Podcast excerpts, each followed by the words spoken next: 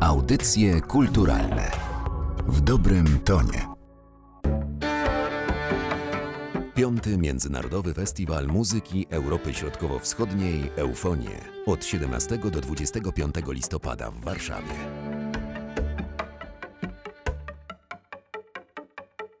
Dzień dobry Państwu, nazywam się Tomasz Nowak, jestem etnomuzykologiem z Instytutu Muzykologii Uniwersytetu Warszawskiego. Jest to drugi odcinek podcastów dotyczących etnicznie zabarwionych koncertów tegorocznej edycji festiwalu Eufonie. W tym odcinku opowiem Państwu o muzyce Karpat i wykonującej ją kapeli Lipka z Beskidu Śląskiego, która wystąpi podczas festiwalu w piątek 24 listopada bieżącego roku. Mówiąc o muzyce Karpat polskich i słowackich, mamy na myśli zjawiska, które pod pewnymi względami są sobie bardzo bliskie, ale jednocześnie pod bardzo wieloma względami są bardzo różnorodne. Ale mimo przewagi czynników różnicujących społeczności zamieszkujące Karpaty, odczuwają one pewne pokrewieństwo z pozostałymi. I choćby tylko z tego powodu trzeba się nad tym zagadnieniem pochylić. Przede wszystkim jednak pamiętać musimy o tym, że aż do drugiej połowy wieku XIII tereny położone powyżej 350-400 metrów nad poziomem morza nie były w ogóle zasiedlone. Przy ówczesnym poziomie wiedzy i technologii rolniczej było to dla ówczesnej ludności zbyt trudne. Jeśli więc ktoś zapuszczał się w wyżej położone rejony, to był na ogół łowcą, wojem pełniącym wartę w czatowni albo też kupcem na szlaku. I właśnie wtedy, począwszy od drugiej połowy XIII wieku do co najmniej pierwszej połowy XVII wieku, na tereny Karpat, leżących obecnie w granicach Polski, na Słowacji bowiem procesy te zachodziły wcześniej, zaczęły napływać pierwsze grupy pasterzy wołoskich.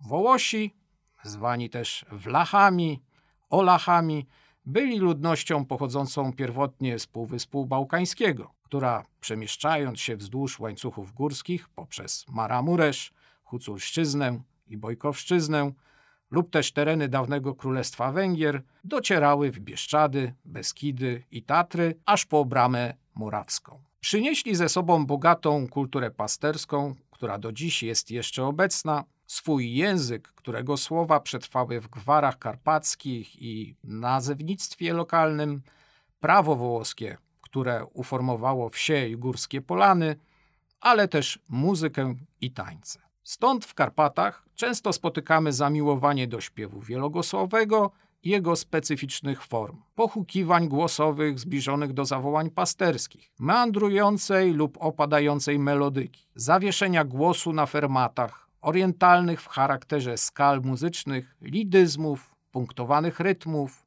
dwumiaru, burdonów. Charakterystyczna jest też wrażliwość na akustykę brzmienia, w tym w przestrzeni otwartej, oraz duża wariabilność zarówno repertuaru, jak i wykonania. Interesująca jest obecność instrumentów, takich jak dudy, dwojnica, trębita, których występowanie pokrywa się ze szlakiem przemieszczania się Wołochów. To właśnie one zaważyły na stosowanych skalach muzycznych, świadomości akustycznej i harmonicznej. No i w końcu tańce, zwyrtane, obracane na miejscu jak owięzioki, obyrtki, zielone, starowałaskie, orężne, jak zbójnickie i odzemoki, popisowe, jak drobne i krzesane. Powiedzieć trzeba też o wspólnocie wielkiej obszarowo, ale nie obejmującej całego obszaru, która wynika z innych wpływów etnicznych. Nie wszyscy osiedlający się w Karpatach Wołosi zachowali swoją pierwotną kulturę. W Bieszczadach i w Beskidzie Niskim, ale też w okolicach Szlachtowej i odpowiadającym im terenom po południowej stronie głównej grani Karpat osiedlali się też zrutenizowani Wołosi, jak też ciągnący z nimi Rusini. Tak powstał obszar zamieszkiwany przez Rusnaków, których w niektórych regionach nazywamy też Łemkami i Bojkami. Odróżnia ich język, wiara, ale też nieco odmienny repertuar. Tańce kozaczkowe, kołomyjkowe, zamiłowanie do pieśni lirycznej, inny charakter melodyki. Krąg kultury karpackiej cementuje też jeszcze jeden element, pamięć wspólnoty państwowej czasów monarchii austro-węgierskiej. A przecież jej dziedzictwem są współdzielone praktycznie przez wszystkich jej spadkobierców walce, sztajery i jakże zróżnicowane Polki. Nic więc dziwnego, że chociaż granice państw narodowych powstałych po 1918 roku od ponad wieku dzielą różne społeczności karpackie,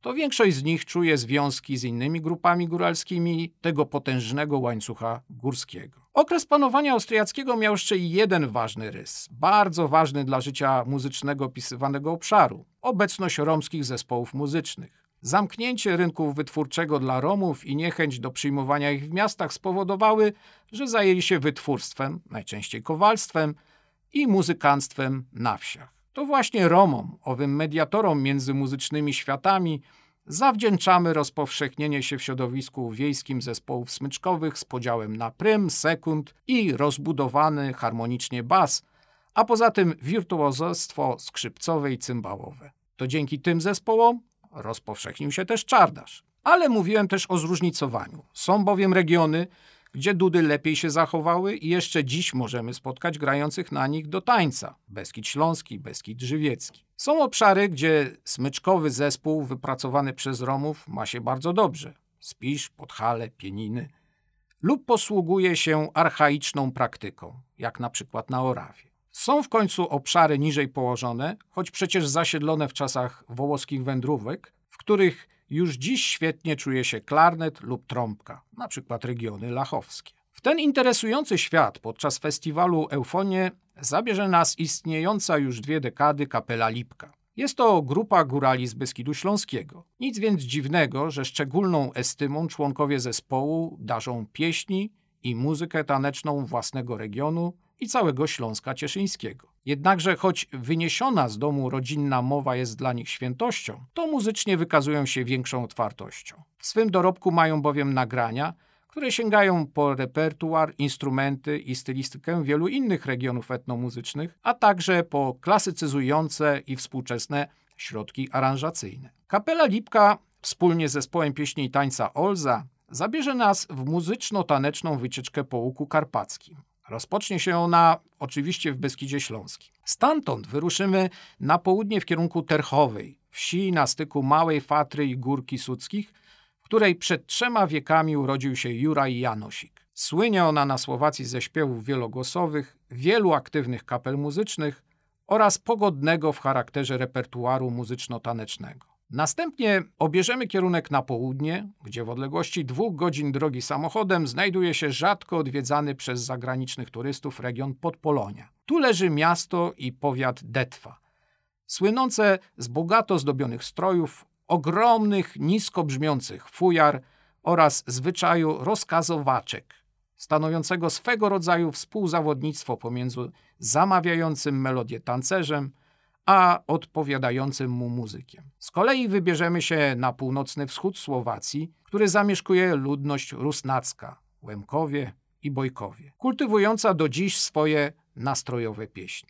Nie zabraknie też pieśni i tańców Romów, którzy zamieszkują we wszystkich regionach Słowacji. Droga powrotna naszej podróży powiedzie przez bardziej nam znane Podhale i Beskid Żywiecki, a zakończymy ją na Morawach, słynących w Czechach ze swoich pieśni. W następnym podcaście opowiem Państwu o zespole pieśni i tańca Olza z czeskiego Cieszyna, działającym przy Polskim Związku Kulturalno-Światowym w Republice Czeskiej. Będzie to dla mnie też pretekstem, by opowiedzieć o zespołach pieśni i tańca i być może przełamać parę mitów narosłych wokół nich. Piąty Międzynarodowy Festiwal Muzyki Europy Środkowo-Wschodniej Eufonie od 17 do 25 listopada w Warszawie.